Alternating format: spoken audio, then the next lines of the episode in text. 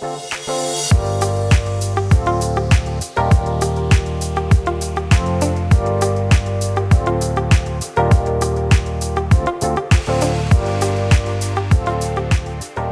till 21 eh, avsnittet av Högräntepodden. Det är jag som är Stefan. Gustav Androcker. Lars Möller. Ja, eh, idag tänkte vi tala om de höga räntorna, 5% och konsekvenserna av dem. Det är lite, det är liksom bridge of critical levels. Nu har vi kommit ner lite igen där då, men, eh, ja men eh, eh, obligationsmarknaden och, och prissättning och ränta har ju stått i fokus på ett sätt som är, är intressant här ju. Mm. Eh, så att det tänkte vi ja. hoppa in i det. Får man börja med, när man inte har så mycket att säga själv kan man alltid citera andra. Kan, kan jag få börja med en grej där? Apropå det här med obligationsmarknaden. Alltså obligationsmarknaden, det var ju rockstars på 90-talet. Det var ju där det var häftigt. Mm. Jajamän. Eh, kommer ni fortfarande, ihåg? fortfarande. Ja, det, det, men jag menar det är tillbaks va. Mm det finns ju sånt klassiskt, och obligationsmarknaden är full av sådana eh, liksom, eh, uttalanden som blir klassiska på olika sätt. Clinton, president Clinton hade ju en rådgivare, han är ju vid livet fortfarande, James Carvel, som på eh, 94 någon gång sommaren tror jag, precis i samband med att räntorna stack, och de var vid fem någonstans då när de började sticka upp från fem, ungefär som de har varit nu då. Och han säger där att eh, liksom det här stökar ju till det mycket för Clinton-administrationen. Hur ska man hantera räntorna och så där. Då säger han bland annat säger han så här. I used to think that if there was reincarnation I wanted to come back as the president or the pope or as a point four baseball hitter. But now I would like to come back as the bond market. You can intimidate everybody. det, är inte det lämpligt då? Är inte det en kvot, kvot som faktiskt funkar eh, Tack. idag? Ja, jo, men lite, lite jobbigt är ju det här för aktiemarknaden att uh, du kan få en högre yield på svensk investment grade än vad du kan få på earnings yield S&P 500. Det, det, det, det måste liksom, va? Ja men det är en omständighet som är på riktigt. Ja. Värderings, ett värderingsskifte ja. är ju som eh, som på något sätt eh, ligger liksom alla möter här nu då i den här nya miljön. Då. Så ja. att, eh, nej men lite skämt åsido, men menar, detta, var, detta var en tid och återigen alltså 94 Clinton, man började mycket fokus kring budgetpolitik och det, det återkommer ju idag det här med eh, amerikansk finanspolitik och upp, uppbyggnad av skuld och annat. Räntorna på väg upp sticker brant där från, från ungefär 5-ish procent upp mot en 7,5 eller någonting i den, i den löpan innan det då börjar en lång trend kort och gott neråt igen då. då. Mm. Och det var en tid som sagt var där, där liksom ränte, räntemarknaden eh, satte käppar i hjularna både för policyinitiativ och, och för delar av mm. marknaden. Då. Så mm. Därav det här kvotet för att mm. man ja. återföds som obligationsmarknaden. Det skulle jag ta emot, emot själv faktiskt. Ja, men det, det, det kan ju vara så att 2024 blir golden, golden year för bonds. Då. Men vi, vi snackar väl mer om att det är ett paradigmskifte som kan bestå. Så det, men vad som kan vara intressant och som dagens avsnitt ska handla om är konsekvenserna och är det hållbart? Kan vi faktiskt ha en fungerande ekonomi som är så uppbyggd på skuld eh, som våran, eh, våran ekonomi är? Kan, är det hållbart med 5 procent? Det är, det är det som är, och vad har det för konsekvenser? Spännande. Nej men precis och det, och, och, och, det slår, slår ju igenom som du är inne på Stefan där. Det slår ju igenom de här nivåerna, de här nya räntenivåerna är ju någonting som som påverkar många och vi har varit inne på det tidigare då, att, att, det, att det verkligen betyder någonting när, när de har gått upp så här mycket jämfört med vad som var fallet under lång tid. Då, så, så, så, att, eh, ja, så, så, det tänkte vi prata om, kanske lite om, eh, komma tillbaka lite till amerikansk statsskuld där ju som också ja. har kommit liksom och, och, och, diskuteras igen här och, och, och, och dollarn är ju reservvaluta och sådär så att eh, för många är det lite grann en icke-fråga då huruvida det är en stor statsskuld eller ej. För i slutändan har man liksom kontroll över det och så. Men, men jag vet inte, vad säger, vad säger ni? Det ja, jag, upp där. Ja, men jag tycker det också. Men ska vi börja med en historisk ja. jämförelse bara och titta lite på hur högt är 5 procent? ja, och ja. jag menar... Vi kan börja rätt ände någon gång Stefan. Det känns ju inte jättehögt. Herregud. Om man tittar historiskt då. då för, mig, inte... för mig som ung är det ashögt. Ja, ja, ja, ja, Nej, jag skojar. Det, jag har varit med ett tag när vi haft ränta också. Det kommer jag ihåg från när man satt vid middagsbordet om inte annat när jag var liten. Ja, men tittar vi på grafen så ser vi att går vi tillbaka till 2000-talet så eh, var vi på 4,5-5 och snuddade på 5 2006 där 2005-2006 när högkonjunkturen tog fart och kanske lite mer 4,5 när det var lite sämre, sämre tillväxt. Så nu, nu när vi var uppe och touchade 5% på 10-åringen i USA så har vi kommit ner ganska snabbt till 4,5 igen då efter, efter lite bättre inflationssiffror som vi fick för några dagar sedan eller igår här. Men Eh, någonstans så kanske det här är tillbaka till där vi bör vara. Och eh, går vi till ännu längre tillbaka till 90-talet under Clinton-perioden, eh, då var faktiskt inflationen i ganska fin eh, form och i, tillbaka, inte långt ifrån 2 målet och så. Men då var ju snitträntan, tioåringen, uppe med på 6, 6,5 och sånt.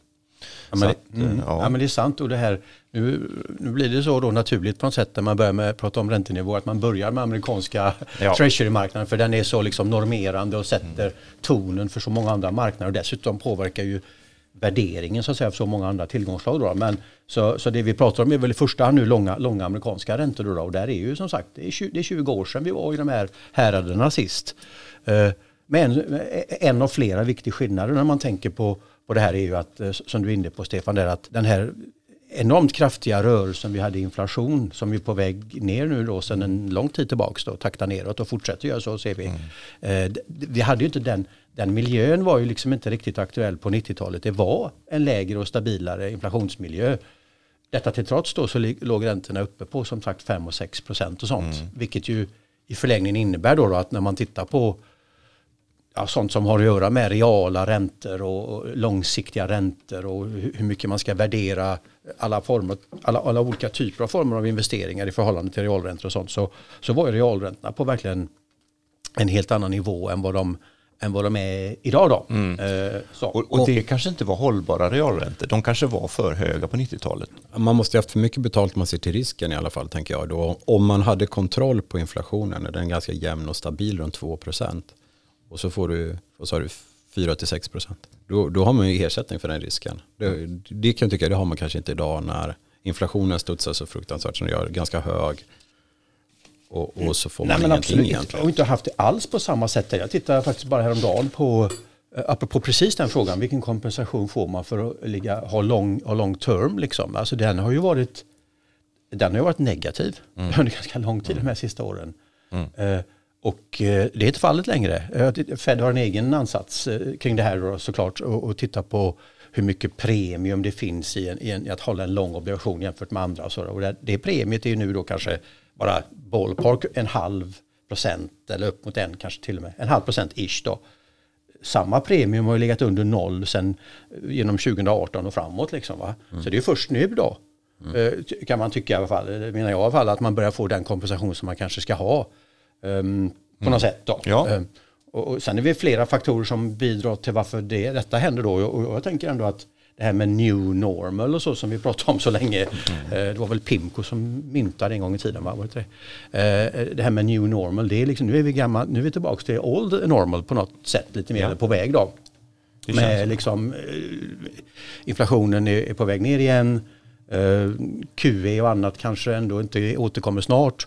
Och en, ganska, en, en grej som kanske ändå betyder något eh, lite mer strukturellt sådär att den här eh, efterfrågan på långa obligationer från institutioner, stora kapitalförvaltare och andra, kanske inte riktigt är densamma längre för att eh, fram, fram till nyligen så var ju långa obligationer en väldigt naturlig hedge mot, mot aktier då, så hela det här 60-40 konceptet mm, mm. bygger ju lite på att det, är en väldigt, att det är en bra diversifiering och en bra hedge på obligationer. Det vill säga det är negativ korrelation mellan aktier och avkastning på räntor. Och, och, och, det har varit så under en relativt lång period. Men, men det är inte så nu och det har inte varit så de sista åren. Så jag tror möjligtvis att det finns ett litet skifte mm. Eh, även när det gäller långsamma pengar inom institutioner när man bygger liksom strategiska exponeringar och sånt. Och allt detta sammantaget då kanske trycker in en premie på att hålla långa, långa obligationer som mm. är mycket mer naturliga än den vi har haft under lång tid tycker jag. Då. Ja, där, där vi står idag tycker jag att det verkar mer intressant igen, egentligen med en sån 60-40 portfölj. För det, om vi backar fem år när du inte hade någon, någon ränta så kunde inte räntorna gå längre ner. Så därför blev det ingen hedge naturligt. Och det, ja, så var det ju, precis ja, Det syntes ju och 20, start, start, 2022. Apropå nivåer mer allmänt där, alltså nu pratar vi mycket om amerikanska långa, så det är en viktig marknad.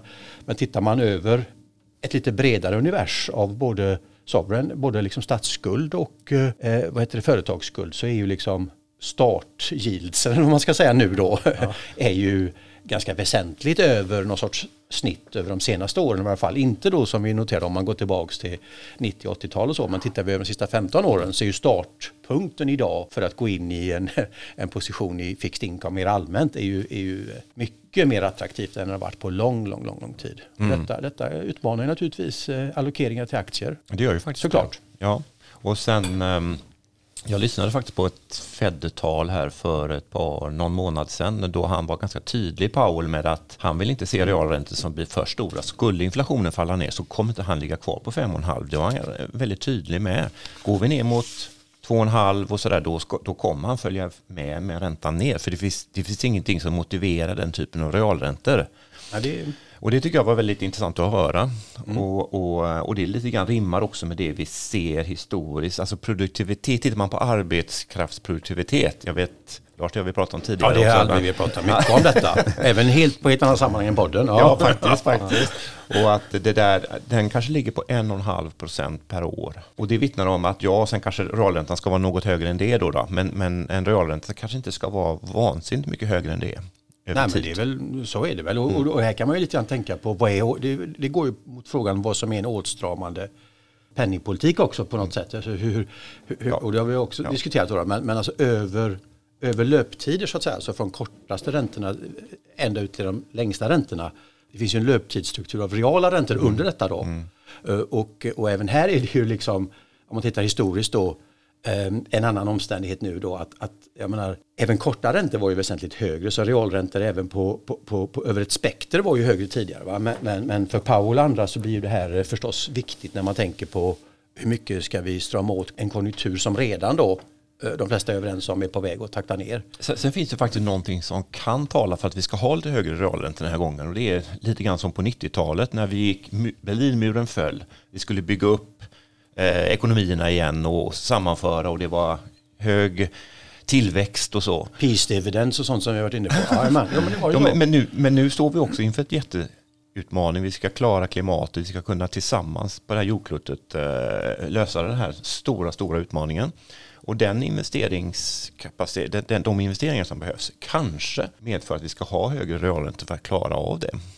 Bland de flöden som man kan tänka sig i en investeringsverksamhet över de kommande åren så borde ju det här med Investeringsbehoven är så stora. Ja, det, är det, så precis, det kommer trycka upp Så det måste på något sätt gå i den riktningen. Det, mm. det måste nästan vara så. Va? Mm. Och det är också intressant, jag menar, då, då, om realräntorna höjs, nominella och reala räntor höjs så kommer ju liksom på något sätt den globala, om man så vill, diskonteringsräntan för investeringsprojekt att vara högre. Mm. Så, så är det också. Va? Ja. Så att, eh, får, får jag bara slänga in, jag tänkte på när du sa det här är mer en parentes. Podden är byggd på parenteser ja. kan man säga. Så, eh, jag, jag, jag, när du sa att Powell förklarade, mm. fan jag läste en sån jävla kul grej här. Um, det här med centralbankskommunikation, vi kanske återkommer till det, är ju en viktig sak. Liksom, hur, man förhåller sig till marknaderna och man vill managera förväntningarna och, och hålla nere inflation, eller förlåt, volatiliteten och sånt där i marknaden. Då. Så det är en viktig aspekt på penningpolitik. Hur och, och liksom på vilket sätt kommunicerar man? Jag läste om, om detta historiskt och det var en, en, en av Bank of Englands mest långvariga centralbankschefer. Han, han, han, kom någonstans 1920 efter första världskriget och stannade genom, genom hela andra världskriget. Så han var där över 20 Herregud. år. Liksom. Eh, Montagu Norman. Han, han summerade sin kommunikationspolitik med fyra ord. Jag det är fantastiskt bra. Never excuse, never explain. Och han hade jobbet i 25 år. Jag vet inte, finns, det, finns det något att lära där också kanske? Det kanske gör det, för nu ska man förklara sig in i, kanske in absurdum. Så ja. Att, äh... Ja, lite parentes, men, men, men också att som sagt det här står, kommunikationen står faktiskt i centrum här, i, mm. många gånger nu. Mm. När det är så stort tryck ja. runt centralbankspolitiken och osäkerhet runt det. Så att eh, den kära Norman kanske eh, hade funkat ganska väl i detta. Kommunikationen är viktigare än vad som händer. Backar vi två år så skulle det vara låga räntor länge. Ja, ja det men blev det, inte så. Ja, men lite så. Så vi får se. Vi får ja, se. vi får se. Nej, men det var, sen kan ja. man ställa sig frågan varför har inte fler saker gått sönder? Alltså när har Fed höjt från 0 till 5,5. Alltså vi har bara haft Silicon Valley Bank och någon mer sådan nischbank som har ramlat omkull. Vi har Credit Suisse, men det var liksom en basket case redan från början. Så det, jag räknar inte in det ens i det här. Den exkluderar. det kan vi exkludera. Ja, vi har svensk fastighetssektor som knäar, men vi har ingen stor konkurs där heller. Varför har inte mer saker gått sönder? Ja, det är faktiskt en riktigt bra fråga. Alltså det, och det är ett, jag säger också, hade vi suttit här för eh, vad säger vad då, tre år sedan sådär, i alla fall då, och fått, fått, fått liksom bara eh, några tre, fyra datapunkter, bland annat räntenivåer och sånt nu och mm. inflationstakter så hade vi ju trott att fler saker hade mm. porslins, alltså man fått stänga porslinsbutiken ja. antagligen. Så ja, det är en bra fråga, jag vet inte. Ja. Eller, eller så här, är det för tidigt att ställa den frågan? Vänta ska du se. Så kan det vara. Kan det vara så? Det kan vara så. Hur går det med konkurserna? Jag kommer, ihåg, jag kommer ihåg 2006 där när, ehm, när uh, subprime började spricka. Då hade, var det ju flera kredithedgefonder i USA som också fick stänga ner. Och, alltså det var ju konsekvens efter konsekvens. Idag har vi inte ens en större hedgefondstängning. Ja, det, är... det, det förvånar mig faktiskt. Jag trodde att någon skulle komma fel. Man är nästan besviken när man ja. tänker på det. lite besviken. Tillbaka till en fråga där med konkurserna hur det ser ut. Om man bara kollar Moody's prognos av 2024 så är det fortfarande på, på låga nivåer. De tickar upp lite grann men på, mm. på historiskt eh, genomsnitt. 4,1, 4,2 någonstans tror jag det var. Jo, okej. Okay. Ja, det är på, på, på global ja. nivå. Ja.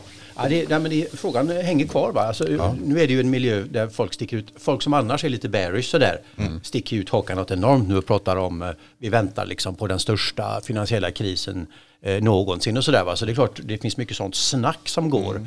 Men, men, men, någonstans lite grann frågan kvarstår då. Vad, vad, är, det, är det så att man tvingas erkänna att, att, att folk kan ha gjort rätt saker där ute? ja. Är det så? Ska vi gå så långt eller? Det, det kanske, är, det kanske faktiskt är svaret. Och då pratar jag om, om folk, förlåt mig, om folk, då pratar jag faktiskt om, om, om de som är ansvariga för den ekonomiska politiken. För mm. de får ju annars så naturligtvis mm stå i fokus och få stå till svars och det ska de göra. Men, men, men finns det saker som har gått rätt här på ett sätt som man inte räknar jag med? Tror att banksystemet jag... har man, eh, man har skruvat åt, eller skruvat ner risktagandet väsentligt ja. i banksystemet och ja. det tror jag har varit en av räddningarna här. Mm. För nu har bankerna steppat upp och hjälpt svensk fastighetssektor på ett sätt som eh, inte var möjligt på 2000-talet. Nej, det, det, startpunkten är god. Liksom. Ja. Så apropå detta, om, om, det, om det väntar bara, det ser ja. bra ut än, men apropå det då, mycket av det risktagandet som fanns koncentrerat i banker, kanske under globala finanskrisen och sånt.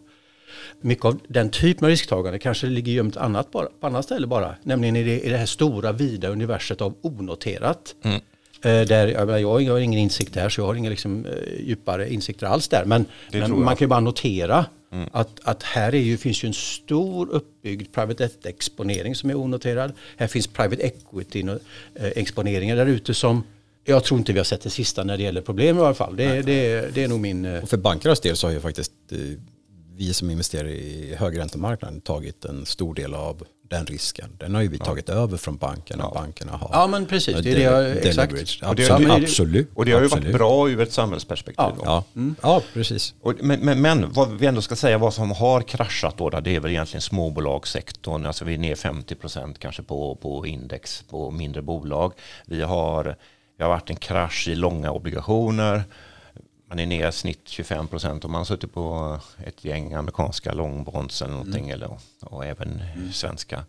Um, fastighetsaktier är ner 50 procent, kanske mer 40 nu. Då. Så det har ju varit, listan. Men, det har ju men, varit en krasch ja. på många saker som och, men, folk har lidit lidit så i sina Nej, portföljer. Men så är det ju. Så är det varit svårt. Men, men, men det kanske inte är en list, den listan du beskriver, den är ju, den är ju färgstark såklart. Men mm. det är egentligen inte en lista över saker som har gått sönder riktigt. Nej, det är det faktiskt inte. Som du sa va? Nej. För visst, visst är det så att man får ta mycket stryk här. Men, ja.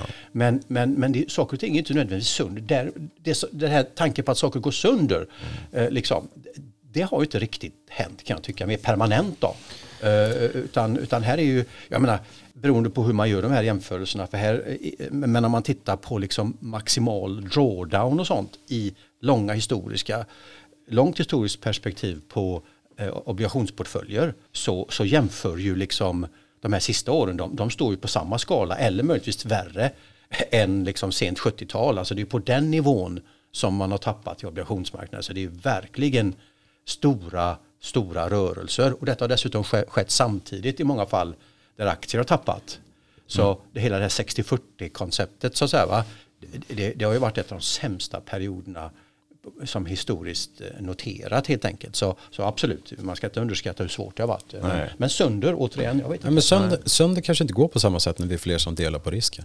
Kanske är det så. Ja, kanske är det så. Det, det, det har visat sig vara mycket bättre än, än till, till och med reglerarna kanske förstod. Ja, det är möjligt. Att man, eh, det är nästan lite oroväckande när, när, när, när reglerarna när, när er, ni, ni, ni killar som, som har, liksom har en, en ovanligt bra attityd kring saker som kan gå sönder, ja. det är sånt ni tjänar pengar på, ändå är så pass sanguine alltså. Vad kommer härnäst undrar man?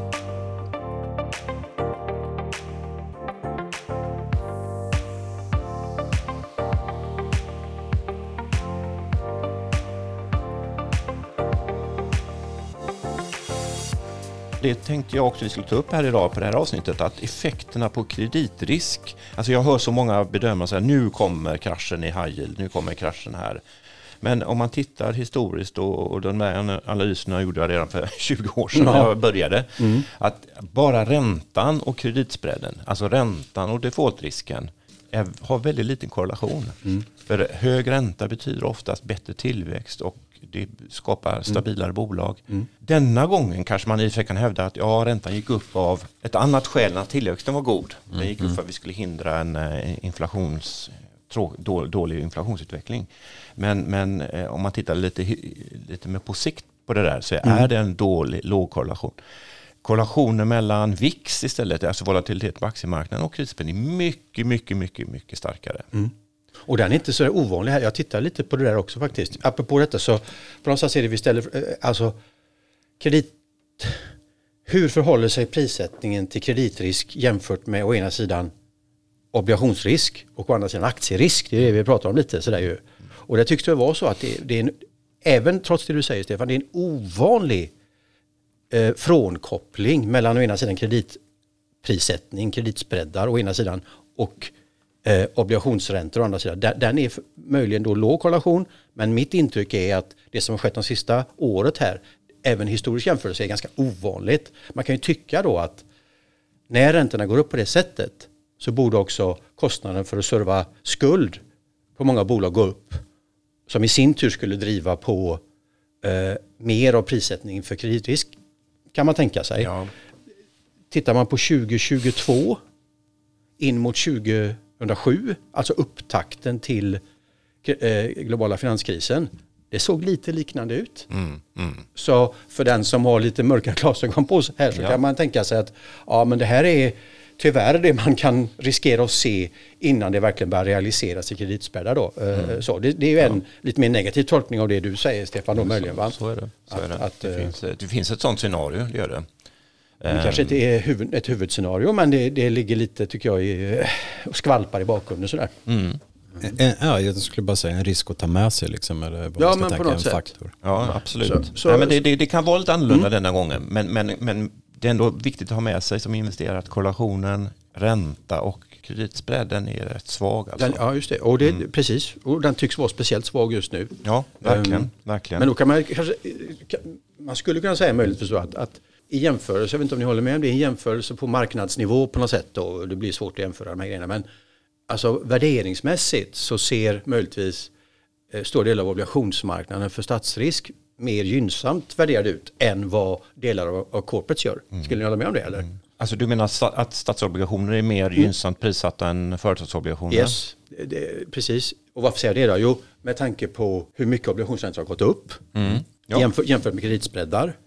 Ja. Och framåt då hur man kan tänka sig dels att inflationen fortsätter takta ner ja. och dels att konjunkturen då eh, även i ett moderat scenario faktiskt taktar ner en del. Då, då. Ja. Så startpunkten liksom, eh, för mig tycks vara värderingsmässigt ja, bättre. på, jag, jag, jag, jag tänker spontant, förlåt, ja, jag sticker in med den här. Det, det är den, så lätt att få igång er gubbar. ja, det var det bra. Den risken som finns i obligationsmarknaden, det är ju vad kommer staten att göra med sina egna papper. De sitter ju på rätt mycket som säljs ut. Så de ligger balanserade här med att styra de långa räntorna. De kan ju välja idag om räntorna ska gå uppåt eller inte. Så det är väl den risken man tar som man inte själv liksom, jag tycker där finns det ett lager till av mm. risk som man Fair inte ja, som brukar inte, med sig. Ja. Men annars, ja, det kan man väl tycka om man... Jag, jag hålla med dig om när det gäller amerikansk high yield och ja. europeisk high yield. Däremot nordisk high yield med framförallt svensk high yield Nej. är fruktansvärt generöst prissatt med mm. snittyield på 12 procent. Så där stämmer inte det. Nej. Men däremot tittar vi på US high yield, håller jag med om. Mm. Det är, det är kanske lika, ja, stor, är... lika, lika stor uppsida i Treasury som i US High Yield. Ja, men det är ju intressant i sig självt då att, mm. att high yield-marknaden diskrim, kanske diskriminerar här prissättningsriskerna på ett sätt som är, är, är gynnsamt då, på något sätt. Mm. Ja.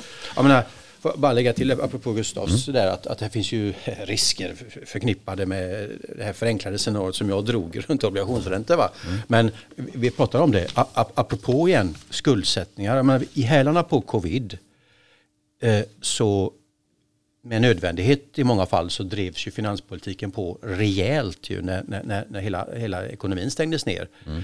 Eh, jag tror att USA hade liksom eh, alltså runt 13-14 procent eh, eh, underskott i, finans, i, budgeten under två, två år. Där, va? Det här bygger upp med tiden och tittar man på prognoser här nu då för, från det här Congressional Budget Office som, som ansvarar för det här så, så prognostiserar man ut här en tio, över en tio år framåt så prognostiserar man nu ut en amerikansk statsskuld i storleksordningen 120 procent av BNP. Mm. Eh, det är ju nivåer som andra liknelser eh, liksom eh, är, ovikt, är, kanske inte relevanta då, men i övrigt så ligger den nivån på, det är sånt som liksom Italien, mm. Belgien förr och Japan ligger på. Så att säga, ja. Ja, det... Alltså, som ett absolut minimum så öppnar det upp någon form av frågespann här kring, treasuries, kring ränteprissättningar, kring funktions, funktion kanske, Vi pratar om, om någonting, varför ingenting har gått sönder, men kanske är det så här att konsekvenserna av det här med 5 ränta och allt detta, det blir att statsfinanserna, alltså man kan inte hålla på och missköta statsfinanser på det viset i långa loppet.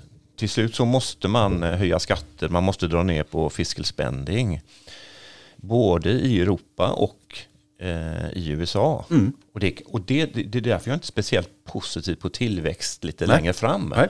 För det, det, är så mycket som ska saneras. Mm. Och det är även den svenska hushållskredit, alltså skuld, mm. är också för hög egentligen. Så det, det är väldigt mycket skuld som ska saneras och nu då eh, normaliseras då till en högre räntenivå. Mm. Så det, det, det, tror jag kommer hålla tillbaka tillväxten de närmaste fem åren. Ja, men det, och det är lite så jag går in i det här också. Och det, jag, jag, tror också det. Och det, återigen, det här är en diskussion som liksom inte varit aktuell på så hemskt länge. Liksom, va? En annan intressant aspekt på det här med skuldsättning då, som, som du var inne på det, vi pratade om, du, du, var inne på det Stefan och du har varit inne på det tidigare i flera fall, Gustav, kring eh, exemplet Sverige och, och skuldsättning i, i, hushållen. Det finns en ganska stark eh, liksom, tendens då om man jämför många länder att de länder som har riktigt hög, eh, som till exempel USA, då har riktigt hög statsskuld. Mm. Och då nämnde vi USA på 120 procent i prognosen. Vi har Italien, Portugal, Spanien, Japan i den ändan. Mm. Om man jämför dem med de länder som har riktigt låg statsskuld, och där är ju Sverige ett av dem då, som Sverige, Schweiz, Danmark, Holland till exempel. Det, det finns en väldigt intressant eh, koppling där, nämligen de länder som har väldigt hög publik och offentlig skuld har väldigt låg skuld i privata sektorn. Mm. Och tvärtom, Sverige och Schweiz tillhör de som har absolut lägst statsskuld men absolut högst skuld i privata, ja, i alltså non-financial debt, hushåll och företag. Mm. mm. Så, här är, så, så, här är också att, att, apropå att saker inte gått sönder, va? nej, mm. Och de kanske inte går sönder, men, men, men, det är ju så att många av de här riskerna som vi har pratat om här, som nu har liksom accentuerats, de ligger på någons balansräkning och det tycks vara så att antingen ligger de på, på statens balansräkning och eller på den privata sektorns balansräkning it, it just don't simply go away. Va? Mm, och, och, där är, tycker jag, jag tror att det är en dynamik här på skuldsidan, ja. som över framåt i varje fall. Inte nu, inte kanske till våren, men över lite tid här så är det en, en dynamik där som, som kommer att påverka prissättningen i marknaderna och, och, och möjligtvis även i, i själva konjunkturförloppet. Det, det, det tror jag. Mm. Ja, men det är väldigt intressanta reflektioner. Jag tror att eh, så vi, vi egentligen sa att Sverige är ett lika stort skuldproblem som USA. Eh, är på aggregerad nivå? Nej, nödvändigtvis inte, men, men, men, möjligen är vårt värre. Ja, till och med så. Därför att det ja. ligger så i den privata mm. sektorn. Mm. Vi, här, här, finns ju, vågar man kasta ut ett gammalt akademiskt begrepp här? Eh, jag brukar ställa frågor när det blir för rekariansk ekvivalens. alltså den privata sektorn anpassar sitt sparande till vad som händer i den offentliga sektorn. Mm. Det är ungefär det vi mm. ser här. Ja, det är det faktiskt. Höj, höjer man skatter, förväntas man höja skatter framöver, vad, vad händer då? Mm. Ja, det, för, det, förstår jag vem som kommer betala dem. Det kommer ju vi betala med mm. skatter. Mm. Ja, då måste jag nog sänka mitt sparande och tvärtom. Mm. Det är lite det vi ser här ute mm. och, och, och återigen, det är lite grann det känns lite grann som från 80-talet när man pratar om skuldsättning och, och, och liksom explosiva eh, förlopp i, i, skuld och sånt va, som, som uh, ligger långt bort ännu. Men ja, den finns där, den ligger där som en uh, den ligger där som ett litet bakgrundsskugga. Va? Mm. Sen har vi det här med, med det som har hänt på, vi har ju talat om kreditklockan tidigare avsnitt. Och, och, och, Stefan, jag älskar kreditklockan. Jag tycker det är lite relevant nu, eh, nu när vi eh, räntorna ändå har kanske tickat ner något. Vi kommer närmare den första räntesänkningen, kanske kommer då eh, till sommar, vem vet? Marknaden tror det i varje fall. Och, och vad betyder det för våran allokering? Är det fortfarande så att bonds är bättre än aktier här eller, är det, eller kommer vi närmare vi oss nu klockan tre där aktiemarknaden ska göra det lika bra som kreditmarknaden? Jag, jag... Finns det ens ett sånt scenario? Ja, det gör det va? det händer. Ja, det är inte jobbigt att ja, vet, här I högräntesammanhang vet man inte ens. Nej, men jag, jag är ganska, om man kollar på någon sorts eh, om man ska säga, grundallokering så är jag ganska neutral nu. Jag går inte ut, ut långt ifrån någonstans. Ganska neutral på högräntor, ganska neutral på, på aktiemarknaden faktiskt. Mm. Ehm, så det är inte så att jag är totalt off mot någonting utan jag tycker att med räntenivåer, med en inflation som är på väg ner och så, så tycker jag att det ser ändå okej okay ut. Vinster är okej. Okay. De kommer snart börja växa igen från att varit lite krympande. Liksom, så. Ja. Mm, ja, men jag, jag, tänker, jag vet inte, det är en jättebra fråga. Det, det, det är ju relevant, det är verkligen nu och det är ju nu. Det här är ju en miljö också för taktiska ja. beslut som är väldigt svår men väldigt potentiellt väldigt gynnsam på ett mm. sätt som inte var fallet tidigare. Mm. Ja, det slår mig bara mer allmänt, alltså allt annat lika. Liksom sådär. Har man en, eh, den, den aktieallokering man har, hur den än ser ut, speciellt om den är lite större, ofta är den ju det, så tycker jag ändå att det kan finnas eh, goda skäl att, allokera upp i fixed income i någon vidare mening. Mm. Bland de scenarier som ligger närmast till hans här, ett är ju på något sätt att att eh, tillväxten kommer ner. Eh, och kanske mer än så, men åtminstone kommer ner. Va? Mm, mm. Ja, det, det andra är kanske ännu mer osäkert är kring inflationen då. Ska den fortsätta ner eller kommer den stabiliseras eller vad, vad händer? Men under båda de scenarierna så tycker jag, jag tycker att en, en, en likaviktad portfölj som innehåller både high yield, investment grade, eh, statsskuld och kanske varför inte inflationslänkad skuld. Mm. Med de startyield som finns, med den möjligheten att liksom få lite durations mm, mm. Eh, betalt eh, och dessutom eh, en hyggligt väl prissatt kreditmarknad. Det är väl en jättebra skifte kan jag tycka. Så det här yield on risk off, det är det? Det tycks aldrig försvinna. Nej. Nej men jag håller med dig om att ta lite duration och då får vi väl förklara. Det är ju att, att man faktiskt har en exponering mot att statspapper då kanske går ner lite igen. För de gick upp så fort också. Och vi har som du säger en utgångspunkt i att vi har en ränta idag igen. Eh, så, så lite tycker jag att man kan ta det. För man kan, man kan komma fel tycker jag om man inte har det. Snarare så. Ja, det, är, och det är, nog många, som, nu, det är nog många som tänker så. Så det kommer mm. bli ett skifte och det pågår säkerligen just nu. Eh, mer pengar in i bonds. Mm. Stefan, jag, vi har ju dig on record säga någonting i stil med att, och det har jag hört många gånger, jag är helt säker på att det är mängder, alltså det är mängder med portfölj som har alldeles för lite corporates i sig. Ja. Ja, det, det håller jag fast det, om, det är, om det är sant i allmänhet så måste det väl ändå vara någonting som du gillar nu? Ja, ja, ja, ja. Ja, det är bara att lassa, lassa på. Ja, det är så. Sen eh, decemberrally. Det är alltid sån tomterally och sådär. Ja. Mm. Jag, jag, jag, Nej men skämt åsido, nej men så är det va? Mm. Om jag tror på allokering så tror jag nog att, um, um, att aktiemarknaden är lite mer, lite mer, lite närmare fair value än många andra tror. De tror på en väldigt stor uppsida. Jag tror med halvmedioker tillväxt på grund av för mycket skuld som kostar mycket mer nu än för två år sedan så kommer det vara jobbigt för aktiemarknaden. Däremot så tror jag faktiskt att vi kommer få ner inflationen en del. Så, så det här räntekänsliga då, eh, att, att köpa duration är helt rätt. Så det är verkligen yield on. Lägg på en del statspapper också och så där. Så det, det tror jag man ska göra. Men varför skulle vi inte ha tomterally i år? Jag nej, nej, nej, nej, nej, nej, det är klart man ska alltid nej, ha tomterally. Ja, måste man ju ha. Jag, jag, jag, tänker på det nu när inflationen faktiskt pekar lite neråt ja. och sådär. Då, ja, men det kan vi såg det igår. Vi ja, det var överraskande på liksom... 2% upp eller något ja. igår. Ja, på de här grejerna. Ja, det är ju, det är ju verkligen så. hög. Det är verkligen hög exponering mot inflationsnyheter. Det märker man ju fortsatt och det kommer ju fortsätta en tag tror jag. Och det, det är inte sista gången vi får överraskningar på fel sida heller. Det kommer ju också hända tror jag. Så är det ju. Det är bara Nej, men en grej, grejen är så här att eh, precis och jag, jag, jag förstår. Jag tycker det är mm, vissa värderingar, vissa sektorer, jag menar fastighetssektorn och sånt, det, det är ju väldigt utbombat. Det finns uppsida där givetvis. Och när, när, nu när räntorna kommer ner något. Men jag tror ju att vad som kommer ske här är att det blir inte riktigt så lätt att få ner inflationen under två. Utan att eh, långräntorna kommer ligga kvar hyggligt där, där de är idag. Däremot så kommer centralbankerna att sänka. Det ska ju inte vara så att korträntan är högre än långräntan i all oändlighet. Nej, det, har, det går nej. inte. Nej, men det är, så är det. Som om tioåringen i USA ligger på 4,5 då borde väl Fed ligga på 3,5 någonstans. Och, sen, och Riksbanken om nu, de ska i alla fall ner till 2,5-3 procent. Eh, om vi ska bibehålla de långräntorna vi har i Sverige som, en, för att få en rimlig räntekurva.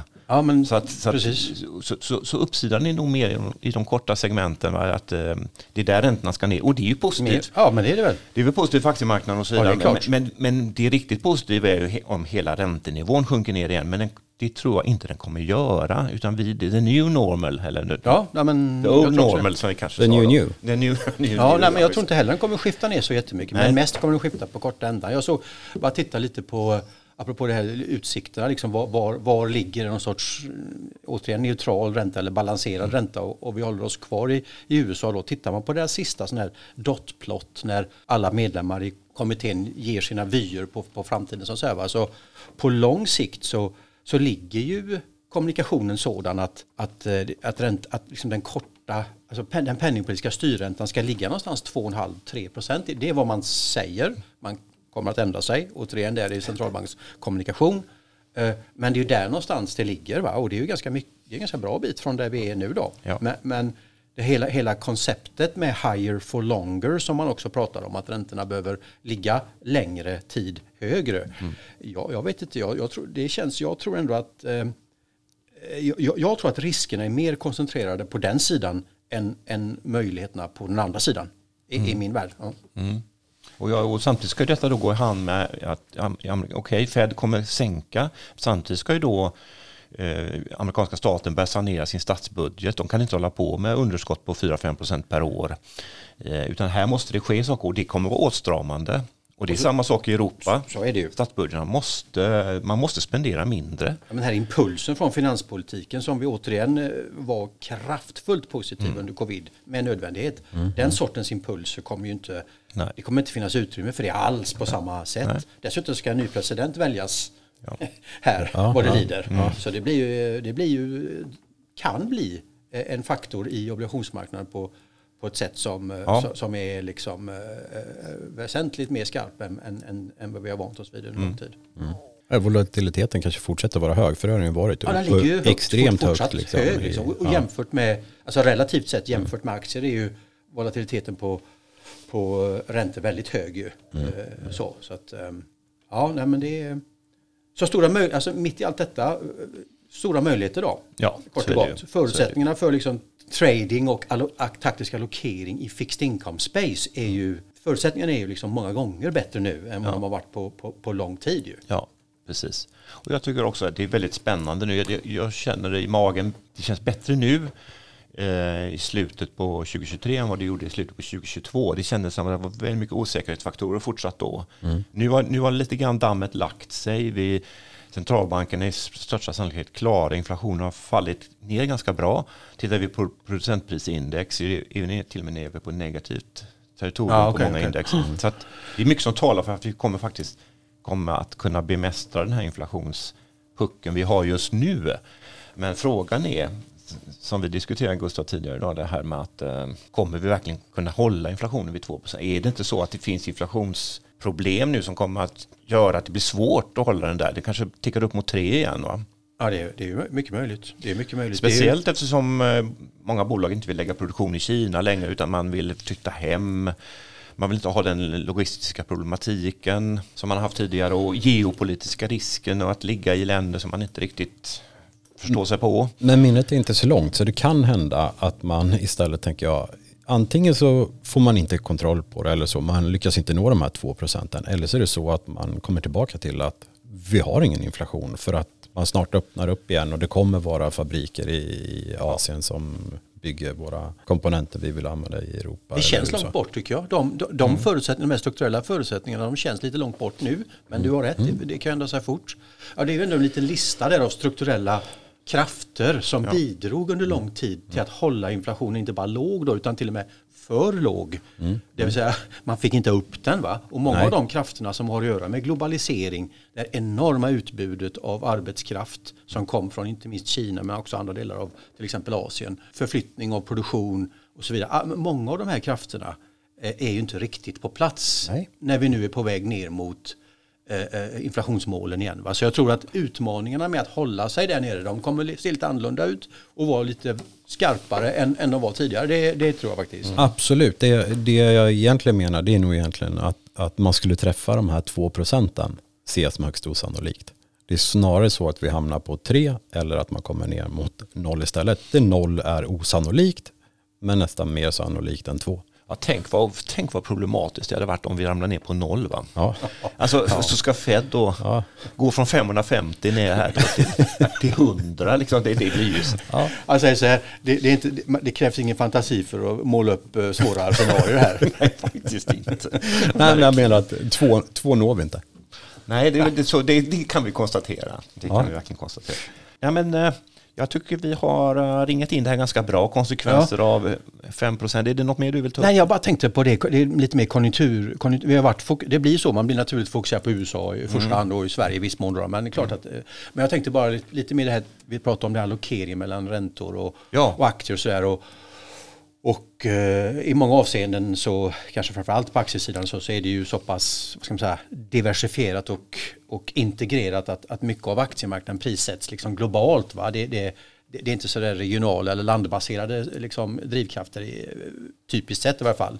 Men jag bara tänker lite om det kanske är så att det börjar upp med tanke på hur det ser ut i konjunkturen och, och riskerna framöver att det kanske finns ett inslag här av eh, eh tillräckligt stora skillnader mellan, säg USA, Europa, Europa, Sverige, Europa, EM, där det också finns ett utrymme för eh, intressanta exponeringar mellan länder där, där liksom peak growth och eh, prospective growth framåt är väldigt olika över länder och utmaningar kring skuldpolitiken är väldigt olika. Så, så helt plötsligt så kanske det också öppnar upp sig ett eh, lite bredare investerings eh, space liksom för fixed income men vad vi också varit vana vid. Va? Så jag tycker bara det är en, en omständighet som, som är, kan vara lite intressant att fundera igenom. Jättespännande och nu såg vi hur dollarn har fallit 2,5 procent mot kronan igår tror jag och, och det har varit stora. Alltså det här är också viktiga signaler för till exempel tillväxtmarknaderna. Ja. Skulle dollarn börja nu försvaga sig och räntorna falla ner lite så är det ju väldigt positivt för tillväxtländerna.